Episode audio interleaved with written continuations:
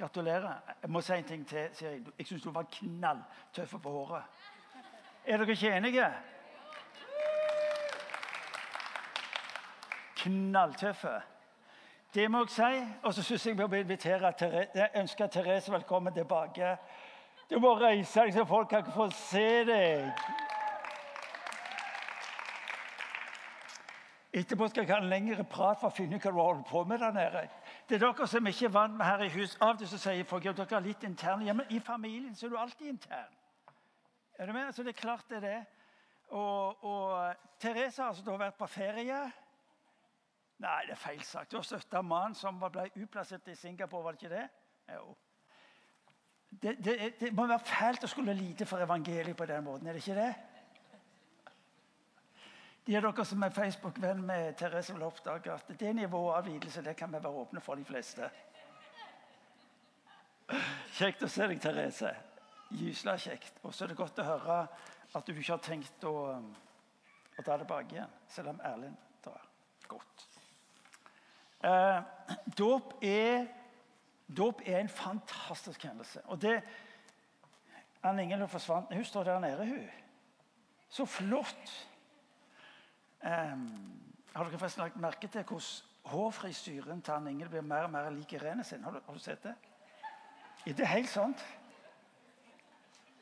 Jeg, jeg, dette er en parentes og innledning til det jeg skal si om dåp. Altså, men jeg syns bare det var så påtakelig da jeg så de der tidlig.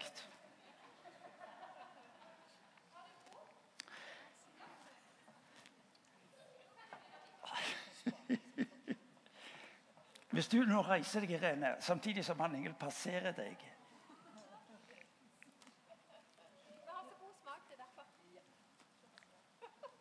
Er mor og datter. Dåp er, som han Ingel sa, egentlig et mysterium. Eh, fordi at vi er så vant til å tenke at når du har noe med livet å gjøre, så får du så du fortjener, eller eh, som du sår, høster du. Eller eh, det er ikke noe som heter en fri lunsj, og alt det der. Eh, du er på et vis et resultat av de riktige valgene og det det ga deg, og så blir du altså det du håpte du skulle bli. Dåpen demonstrerer hvordan Gud tenker og handler, og pinsen er egentlig i samme gata. Fordi at Når Gud utøser sin ånd, så tar han ikke utgangspunkt i hva du har gjort deg fortjent til med hvor mye han elsker deg. Når Gud handler med det lille barnet, et barn som ikke skjønner bedre av hva som skjer, tvert imot det aner meg at Timian lytter på hva, Hvis Timian kunne ha tenkt å reflektere Hva i all verden de holder på med, de der voksne? Under vannet. Ikke forberedt på det engang. Ikke trent på det engang. Ja, ja. Vi hadde de.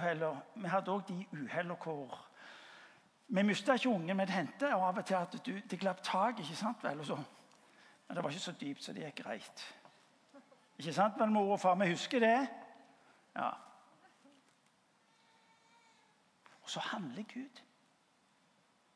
Fordi han elsker. Dåp er ingen religiøs øvelse i den såkalt kristne familien. Dåp er det tydeligste uttrykket for en Gud som elsker av nåde. Det må du få tak i. For Hvis ikke så begynner du med dine regnestykker. Forstår det, er det og alt det der. I dåpen handler Gud. Når vi så snakker om pinse litt lenger ute, så er òg pinse Da handler Gud. Som barnet der det ligger i, eh, i dette tilfellet Ingel sine hender, skjønner ikke bedre, så mottar det altså liv. Du er nå blitt et Guds barn, sa eh, liturgen. Hva Guds ånd har tatt bolig. Når Bibelen så kommer til oss med pinsen, så er det det samme budskapet, nemlig å motta. Det viktigste i ditt og mitt liv og hør nå godt etter, for dette er viktig Det viktigste i ditt og mitt liv er ikke hva du får til, men hva du kan ta imot. For i det ligger evangeliet. Er du med meg? Du som syns at dette gir mening, kan du nikke. Ja, det er flott. En av mine gode venner har eh, kjøpt ny hatt i dag. Dere må gratulere henne når dere kommer ut. Ja. Stilige. Ja. Nikk. Fordi at hvis du og meg våger å ta det på alvor, vet du hva? Da skjønner vi at poenget vi skulle få lov til å høre den teksten dere skal høre litt senere, har et utgangspunkt i, nemlig en Gud som lengter etter å gi. Guds mål er ikke primært å få mest mulig ut av deg, men å få mest mulig inn i deg. Det er evangeliet, folkens. Det demonstreres i dåpen. Det synliggjøres også ved pinsen. Så um, Ta det inn. Vi er i en temarekke hvor temafokuset de siste ukene har vært ordene be, bank på og bli. Og I dag skal vi se på ordet 'bli', som har sitt utgangspunkt i Lukas evangeli kapittel 10. Og Der leser vi fra vers 3. Høsten er stor, men arbeiderne få. Be derfor høstens herre sende ut arbeider for å høste inn grøden hans. Gå av sted. Jeg sender dere som lam blant ulver. Ta ikke med dere pengepung, ikke veske og ikke sko. Stans ikke på veien for å hilse på folk. Men når dere kommer inn i et hus, skal dere først si 'Fred være med dette hjemmet'. Nydelig hilsen. Mulig noen ser du virker litt vel eh, spenstig religiøs hvis du kommer inn og sier 'fred være med dette hjemmet'. Men du kan jo si det stille. Vet du hva? Bibelen sier noe om at det du sier ut, blir værende. Wow. En gang til. Det du sier ut, det blir værende. For Litt lenger ute i teksten så står det at hvis de ikke tar imot det, så tar du med deg freden, så går du. Litt røft. Men det er det han sier, som vi får leve med. Men poenget er at det du bekjenner over et hjem og over et menneske, vet du hva det blir værende? En gang til. Fred være med dette hjemmet. Og bor det et fredens menneske der, skal freden deres hvile over ham. Hvis ikke skal den vende tilbake til dere selv. Bli boende der i huset og spis og drikk det de byr dere. For en arbeider er verdt sin lønn. Flytt ikke fra hus til hus. Og når dere kommer inn i en by og de tar imot dere, så spis det de setter framfor dere. Helbred de syke og si Guds rike er kommet til dere. Denne teksten den utfordrer på mange måter. Du har jo lyst til å bli her i Gystad lenge, for annet så står det at 'helbred de syke'. Det betyr at Når du og vi kommer til folk, så er det et grunnleggende prinsipp om å helbrede de syke. Ja. Helbred de syke der og sykehusrike, og kom til dere. Vi har ting å strikke oss etter, egentlig det teksten sier. Men når dere kommer inn i en by der de ikke tar imot dere, så gå ut på gaten og si selv støvet vi har fått på føttene i byen deres, kan dere beholde. Vi børster det av oss. Men det skal dere vite. Guds rike er kommet nær. Uh, denne teksten sier noe om utsendelse. Denne teksten sier noe om bevegelse. Det Bibelen møter deg og meg med i dag, det er noe som er dynamisk, som ikke står stille. Denne teksten sier noe om den betydning dine ord har. Denne teksten sier noe om hva Gud ønsker at du skal være der du går fram i denne verden. Helbred de syke. Forkynn og fortell og demonstrer at Guds rike er kommet nær. Gud i bevegelse. Sagt med et annet ord du er en misjonær. Nå er det jo ikke sånn at du og meg driver og flytter fra hus til hus. Noen eh, omreisende emissærer og predikanter gjør det fremdeles. Før i tida var det mer. Men jeg bor mer eller mindre stabilt på synde. Men du og meg lander i ulike situasjoner. Jobb, skole, nabolag, familie. Og Det Bibelen egentlig sier til oss, det er at du er en misjonær. Dagens tekst minner oss om at vi alle er misjonærer. Det er mange underlige definisjoner på misjonær. Men vet du hva? En kristen er lik misjonær. For hvis du er en del av det Gud gjør, da er du i bevegelse. Du er altså utsendt. Hva betyr misjonær? Utsendt. Så det er godt mulig at vi skulle begynne å bruke begrepet misjonær på oss. Det er ikke slik som noen sier. Fordi Om du setter deg på et fly og passerer nasjonalgrense og kommer til et sted hvor de har en annen hudfarge, så er du misjonær langt ifra. Timian er ved dåpen satt i en prosess hvor hans liv er å skulle være en misjonær. Ja. Bli værende er det vi skal se på i dag. Og jeg tror det er grassat viktig for oss å få tak i. I en tekst så leser vi at eh, en engelsk tekst så står det Gud har flytta inn i nabolaget for å bli værende. Når du hører Bibelen bruke ordet 'bli', så vil du oppdage at ordet har to, to retninger. Det er retningen oppad, og så er det retningen utad. Og det er viktig om ditt og mitt liv skal bli et godt liv og ikke et stressa liv. Så det jeg håper det går fra, fra denne gudstjenesten i dag, så er det med ordet 'bli'. Bli på leppene, og så i huet og hjertet. Bli hos meg, sier Jesus. Hvorfor? Fordi at du skal få se hvem han er, og hvem du er. Før du og vi kan få lov til å ha en betydning som har konsekvenser for himmelen, så er det viktig at du og meg får se hvem han er, og hvem du sjøl er. Derfor sier han 'bli værende'. Det interessante når, når Guds rike bryter inn i denne verden, når Jesus trer inn på arenaen, så er han opptatt med å knytte mennesker til seg. Tro, skjønner du, ifølge vestlig tenkning og gresk tenkning, det har med det såkalt intellektuelle å gjøre. Men i hebraisk tenkning så har det med relasjon å gjøre. Så når Bibelen er opptatt med å formidle til mennesker tro på Gud og tro på meg, så betyr det ikke primært at du må møblere det du har her oppe, i rett rekkefølge for at du skal kunne tro. Tro har med relasjoner.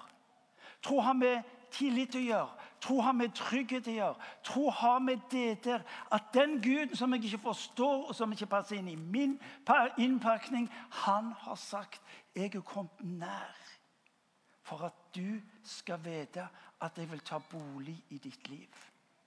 Hva vil det si å være en kristen? Jo, det er å la Gud få lov til å være Gud i livet ditt.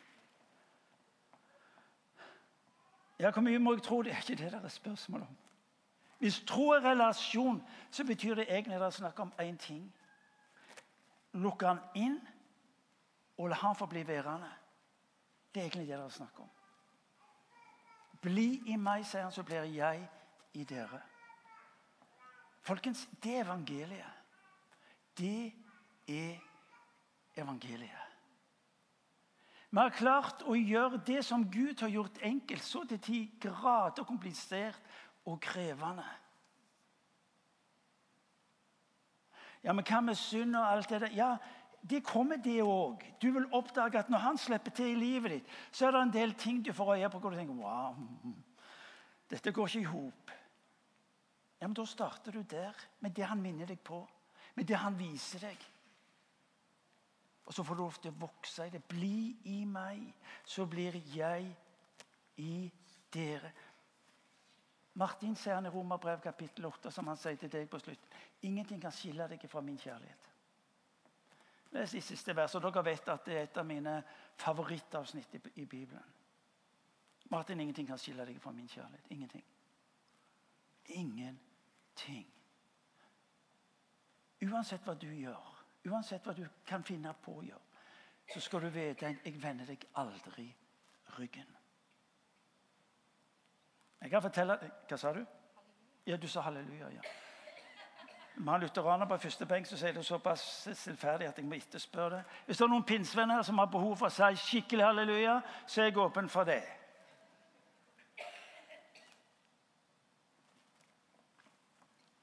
Altfor ofte så gjorde vi synden til et hovedfokus istedenfor Han som har tatt bolig i ditt og mitt liv. For om du gjør synden til fokus, så løser du ikke problemet. Gjør du Han til fokus, så har du Han som løse problemet. Det er to forskjellige ting. Det er to forskjellige ting. Bli meg, så blir jeg i deg. Martin, ingenting kan skille deg fra min kjærlighet. Vet du hva? Da kan du gå ut. Da kan du våge å bli sendt ut. Da kan du våge å ta Jesu ord på alvor av at eh, når du og meg begynner med våre regnestykker som diskvalifiserer og som forteller som alt som skulle vært annerledes, så sier han jeg vet hvem du tenker på. Han sendte ut Judas. Har du tenkt på det?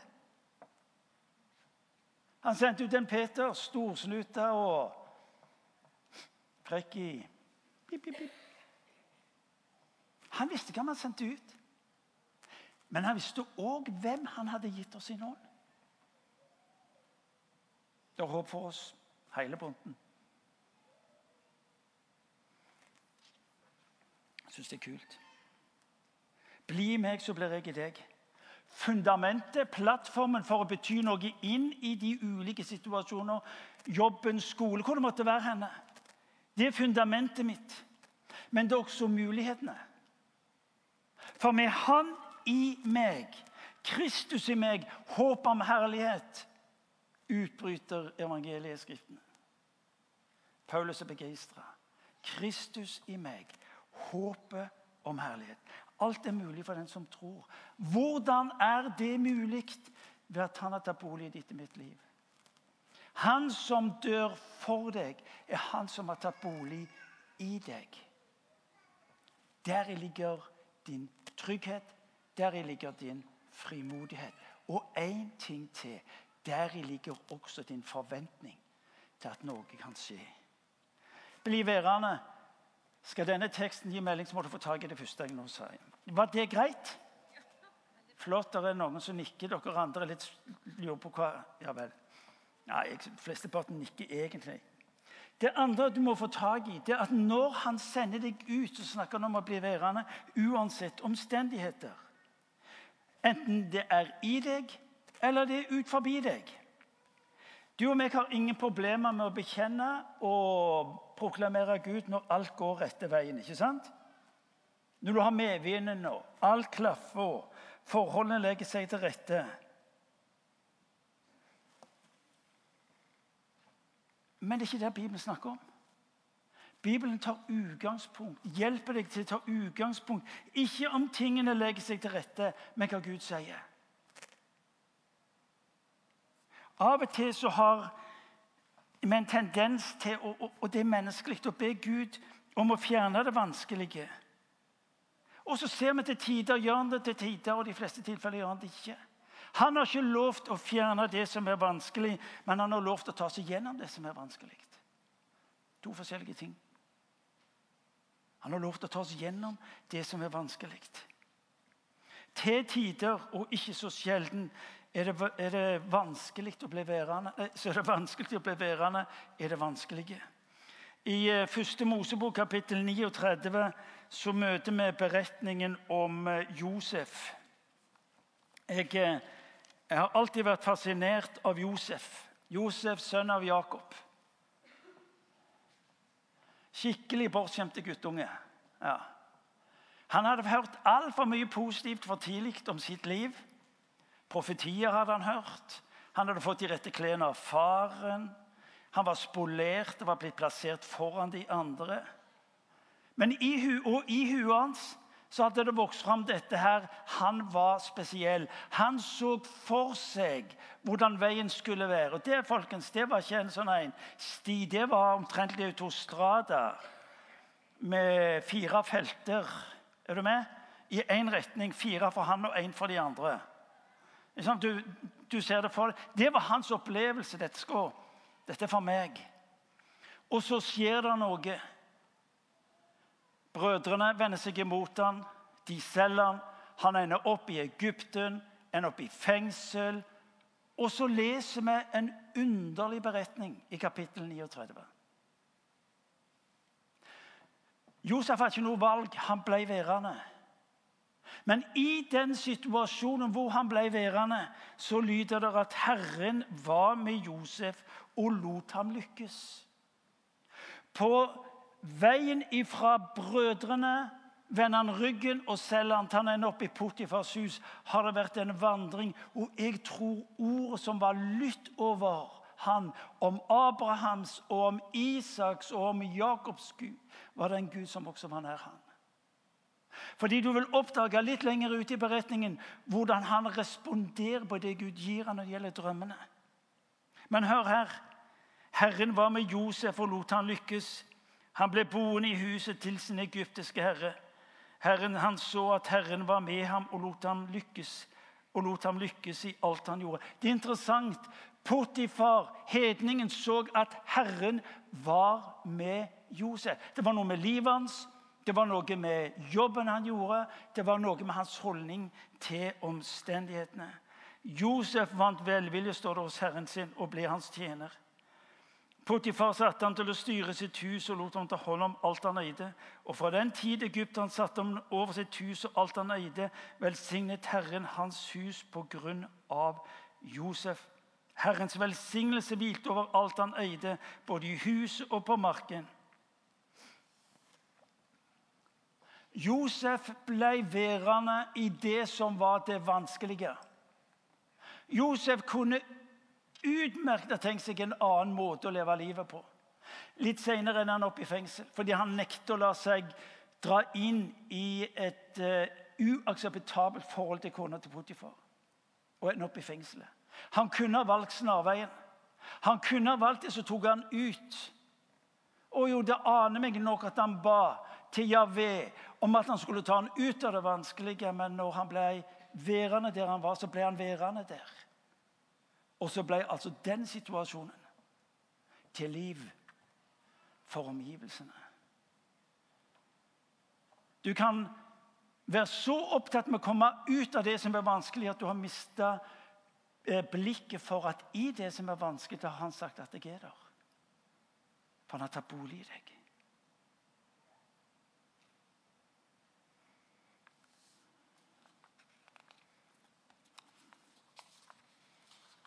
Salme 23 så står det i vers 4, tror jeg det er Han dekker bord for meg like for øynene på mine fiender. I den vanskelige situasjonen som eh, David er i, er hans bekjennelse at i møte med det som er vanskelig, har han dekka bord, slik at jeg har det jeg trenger. Du kan bli så opptatt med den fienden som er foran deg, at du ikke oppdager bordet han har dekka for deg. Jeg vet ikke hva som er din situasjon. Jeg vet ikke hva du skulle ønske var annerledes. Jeg vet ikke hva du har gått trøtt av. You name it. Men det jeg vil du skal vite, det er at han har dekket bord for deg, like for øynene på dine fiender, alle de vanskelige situasjonene. Andre Mos, tredje Mosebok kapittel 13 og 14 leser vi om Josva og Caleb. Israels folket hadde blitt utfridd fra Egypten, tatt igjennom ørkenen. Og så viste Gud for dem nå det lovede land. Og vet du hva som er Det interessante? Det de oppdager når de går gjennom det lovede land, det er at det er akkurat slik som Gud har sagt det er. Men det er problemer i landet. Og det som skjer Istedenfor å bli værende i det ordet som Gud hadde for dem, i det landet de var i, så de problemene. Josva og Caleb sier det riktig, vi så problemene. Men Gud den allmektige han har sagt han er med oss. Det er noen som har brukt begrepet umulighetstenkere. Det er de som konsekvent ser på det som skulle vært annerledes. Mulighetstenkerne ser på hvem Gud er, og hva han vil gjøre. Josva og Caleb sa om Gud har velvilje for oss da blir disse problemene, eller kjempene, og de var svære, de blir som brødbiter i Herrens hender. Vet du hva? Folket snudde og mista ved det velsignelsen. Ikke fordi at Gud ikke ville velsigne dem, for det demonstrerte han gjennom de 40 årene som folket var i ørkenen. Men hans plan for sitt folk var ikke ørkenen med manna. Hans plan for folket var det lovede land, som rant over av melk og honning. Bli værende, sier han, slik at jeg kan få lov til å velsigne. Og ved det velsigne dine omgivelser. Josef, du er i en vanskelig situasjon, men meg i ditt liv fører til velsignelse. 13 år mista Josef av sitt liv, vil med seg. Fra han er 17 til han er 30 år. Faktum er at de 13 årene ble nøkkelen til at han berga både sitt eget folk og en hel nasjon. Bli værende. Bli værende.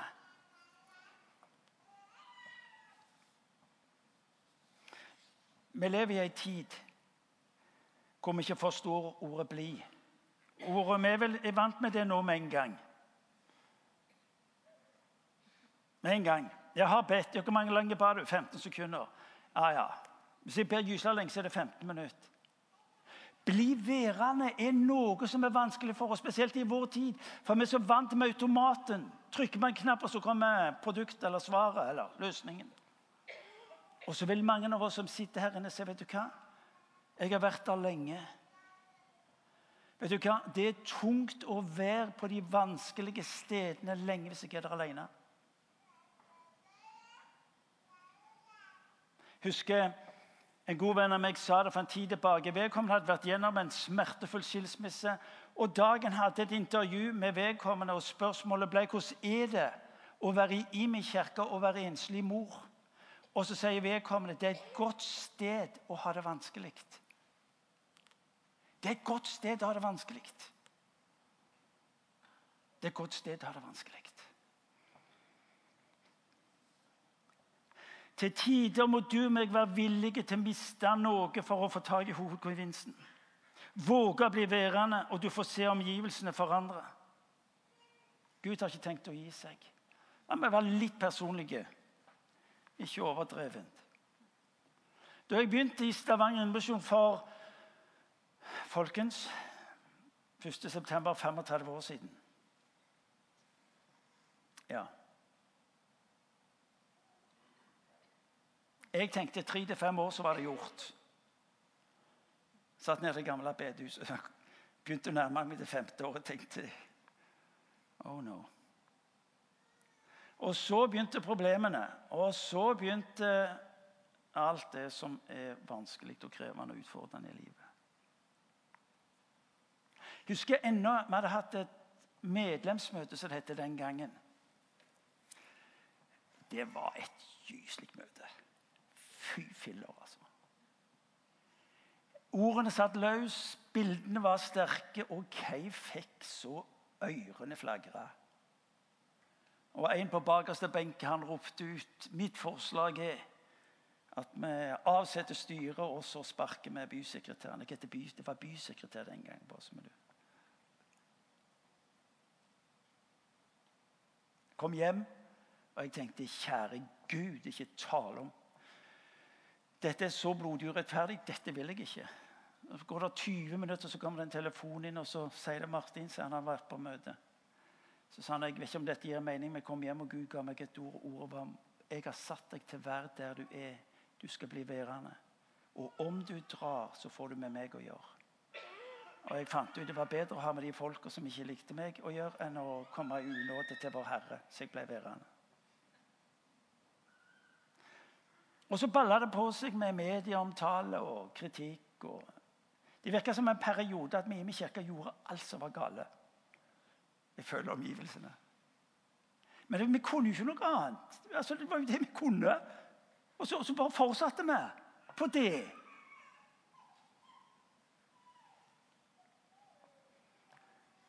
Og så tror jeg at det er noe som har skjedd. Men Så kommer jeg og sier, vet du hva, Det var i grunnen bra. Hva er det vi ser for noe? Jo, vi ser at Bibelen tar oss inn i et fokus til tider om å bli bærende, selv om omgivelsene forteller kvitt. Søk mitt ansikt, sier eh, eh, David i Salme 105, vers 3.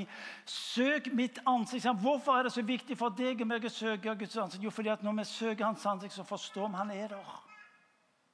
Jeg skal fortelle dere det gjennom disse 35 åra.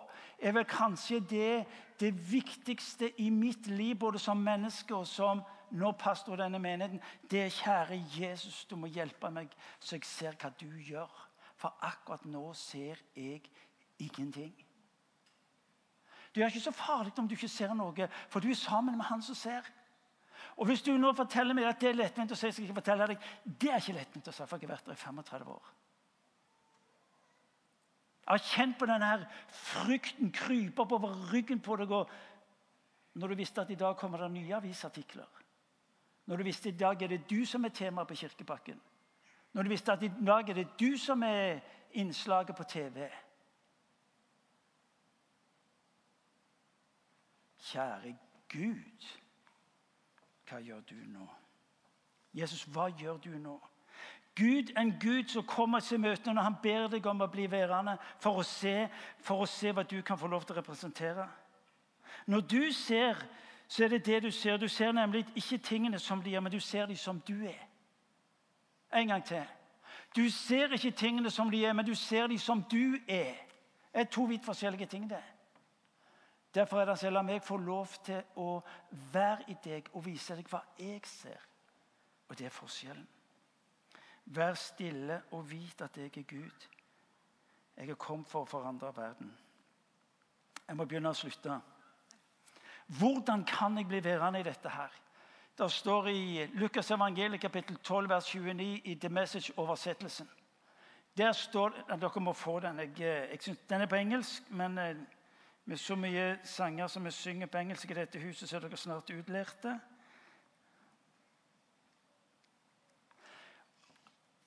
Jesus sier til folk, og så sier han What I'm trying to do here is get you to relax.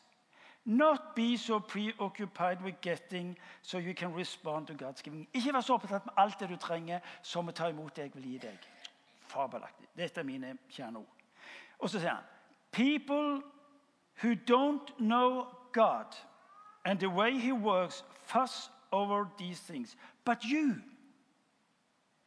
Know both God and how he works.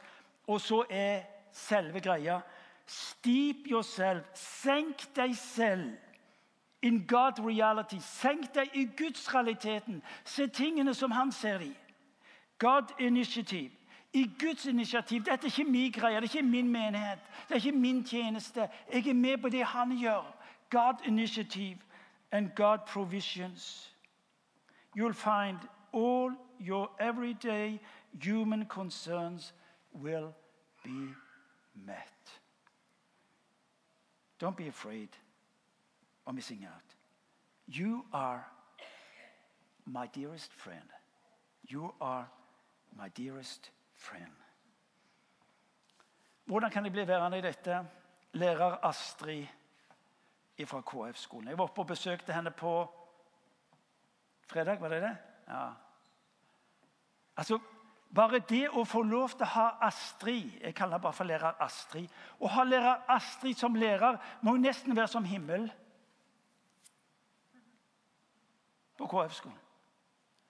Og Så satt vi der og samtalte eh, ved lunsjen, og, og så sier Du vet det, Martin, sa hun. Du vet det at jeg vi er, vi er så opptatt med å ha et høyt faglig nivå sosialt nivå på den skolen. Jeg tror vi lykkes. Men du vet det å kunne få lov til å koble det med Guds rike inn i det, det blir bra. Ja, hva gjør du da, sier jeg. Nei, du vet Det er akkurat som du har ei skål, som en glasskål. Og så hver dag så legger jeg et lite frø oppi. Hver dag så kobler jeg Guds rike til kunnskapen de har fått, til, til det sosiale livet de har så legger jeg et lite frø oppi. Hver dag. Her om dagen så snakket vi om fuglene. så. Og la ut grunnleggende hva læreplan sier om fuglene. Og så spurte jeg i Kristian sier Bibelen noe om fugler. Og du vet, Ungene begynte jo å preike, begynte å fortelle. La oppi frø. Hør, foreldre. Ikke bare leve med at det ikke er problemer på skolen. Sørg for at det blir lagt frø ned i ungene deres.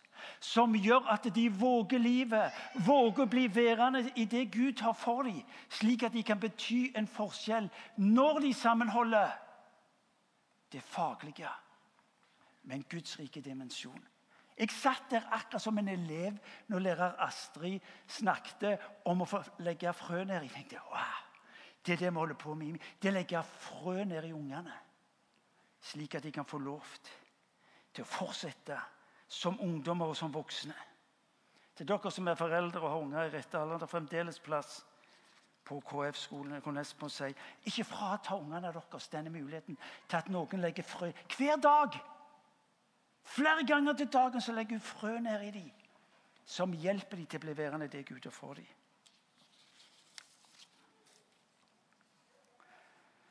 Bli i meg, sier han. Da kan du bli værende der du er, med utfordringene dine, for du blir en del av det jeg gjør. Da vil du bli en fredens person på din arbeidsplass, og du vil oppdage at du vil skape fredens personer rundt deg. Skole, arbeid, nabolag og familie. La oss be. Kjære Herre Jesus Kristus, jeg takker deg fordi at du kom til oss. Takker deg, far, fordi at du ikke tok utgangspunkt i utseende, eh, forutsetninger, eh, historie eller familie. Men du sier at du ved din ånd har tatt bolig i vårt liv.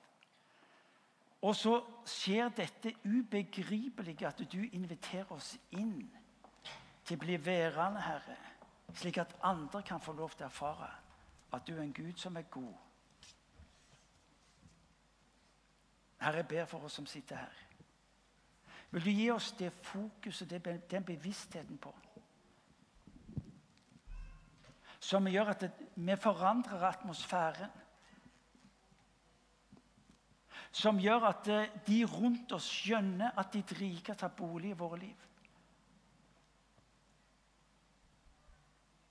Og far, vi ber i ditt navn om at du skal la pinsen få en kraft og et nedslag i våre liv, slik at denne byen forstår at du er Gud, at du er god, og at du elsker uten grenser. Herre, vi tilber deg og pøy ditt navn. Amen.